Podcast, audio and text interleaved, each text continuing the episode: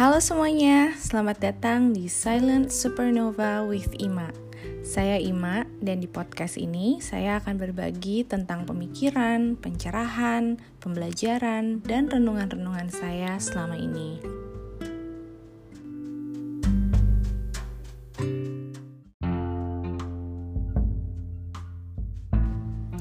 Saya bukan praktisi atau bahkan ilmuwan sains.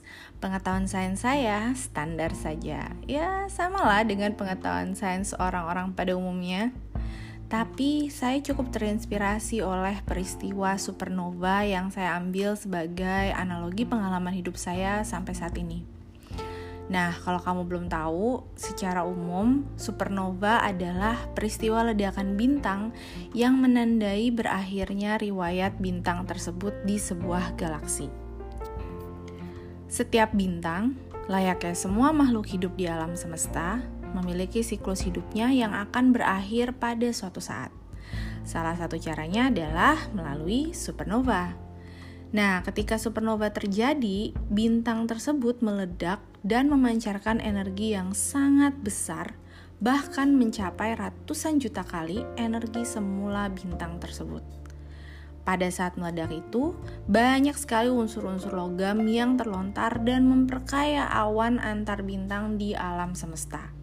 Bahkan diasumsikan unsur-unsur ini ada yang bergabung dan membentuk bintang baru atau planet baru. Keren banget kan? Nah, bagi saya, hidup kita juga sekeren itu. Saya melihat bahwa setiap manusia adalah bintang dan alam semesta di dalam dirinya. Secara biologis, jasmani kita memiliki siklus sampai suatu saat hidup akan berakhir. Namun, di dalam siklus hidup itu, kita juga memiliki siklus-siklus kecil.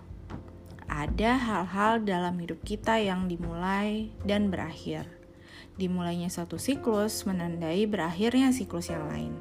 Begitu juga ketika suatu siklus berakhir, artinya siklus lain dimulai. Life is a constant cycle of the beginning of the end and the end of the beginning.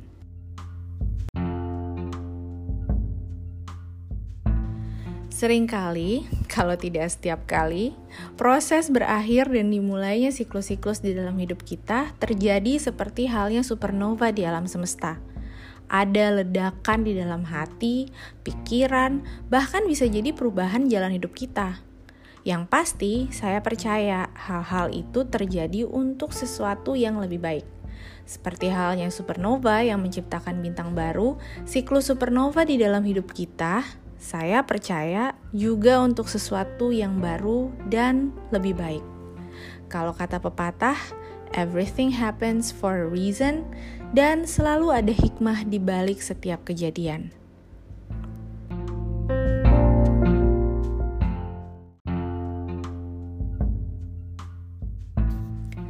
Coba deh kita renungkan sebentar. Ketika siklus hidup kita sebagai anak-anak berakhir, artinya siklus hidup kita sebagai remaja dimulai. Begitu juga dengan dimulainya siklus hidup dewasa, artinya siklus hidup remaja kita pun sudah berakhir.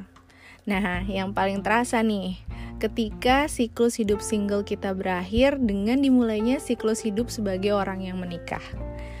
Dan di dalam transisi antara tiap-tiap siklus tersebut pasti terjadi ledakan-ledakan baik pemikiran, emosi, bahkan perubahan fisik.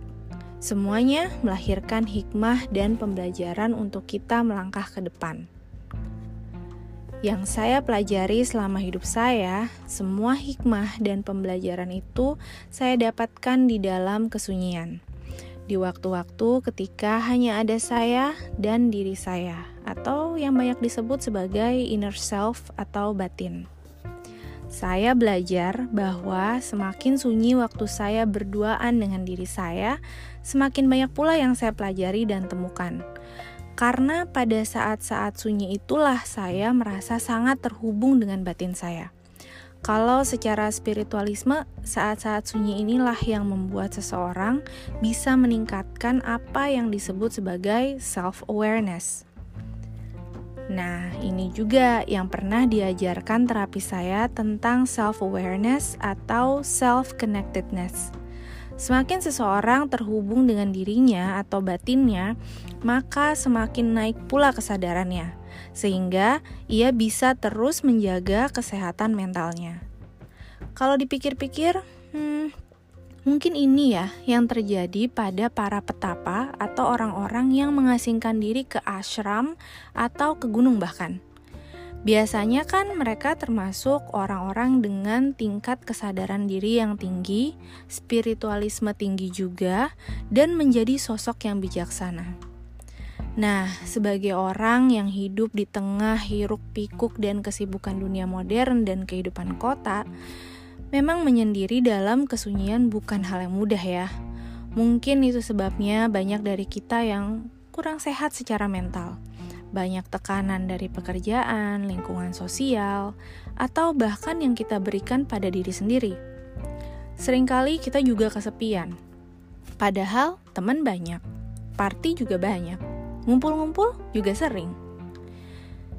Ya, seperti halnya kesehatan fisik, orang yang hidup di desa atau dengan gaya hidup tradisional dan sederhana kan biasanya lebih bisa mempertahankan kebugaran gitu ya begitu juga dengan mentalnya, terlepas dari kepercayaan dan budayanya ya.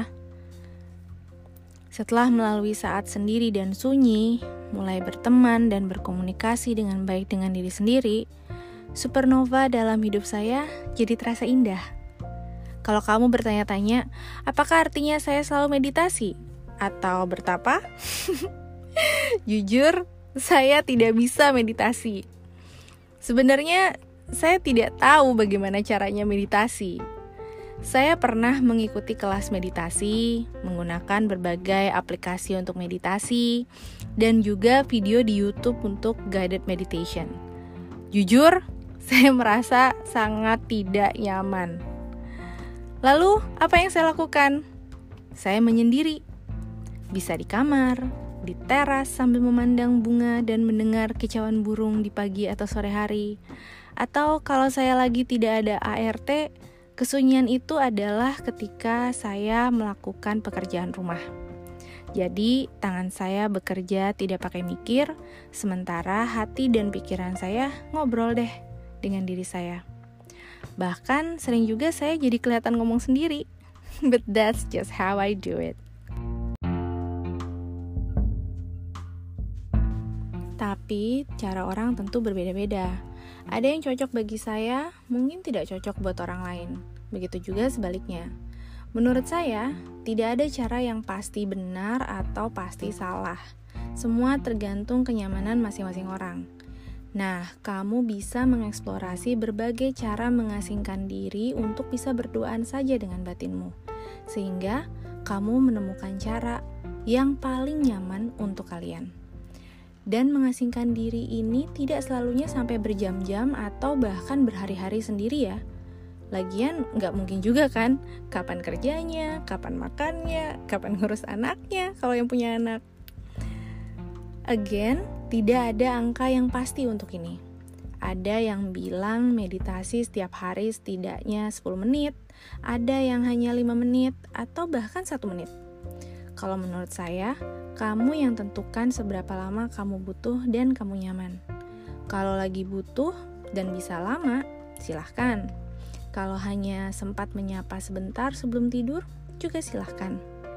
Menurut saya, waktu sunyi ini adalah untuk memulihkan diri. Jadi, kitalah yang paling tahu yang jiwa kita butuhkan. Nah, di episode-episode berikutnya saya akan berbagi supernova-supernova saya yang terjadi dalam kesunyian saya dan batin saya. Saya berharap apa yang terjadi pada saya tidak hanya dapat memperkaya dan membentuk gugusan bintang baru di alam semesta saya ini, tapi juga bisa bermanfaat bagi alam semesta kamu. Kalau kamu ingin bertukar pikiran dan berdiskusi dengan saya, silahkan hubungi saya di Instagram @irmamirtaa atau Twitter saya @irmamirta. Semoga kita semua bisa mengambil manfaat dari podcast ini. Sampai jumpa di episode berikutnya. Bye.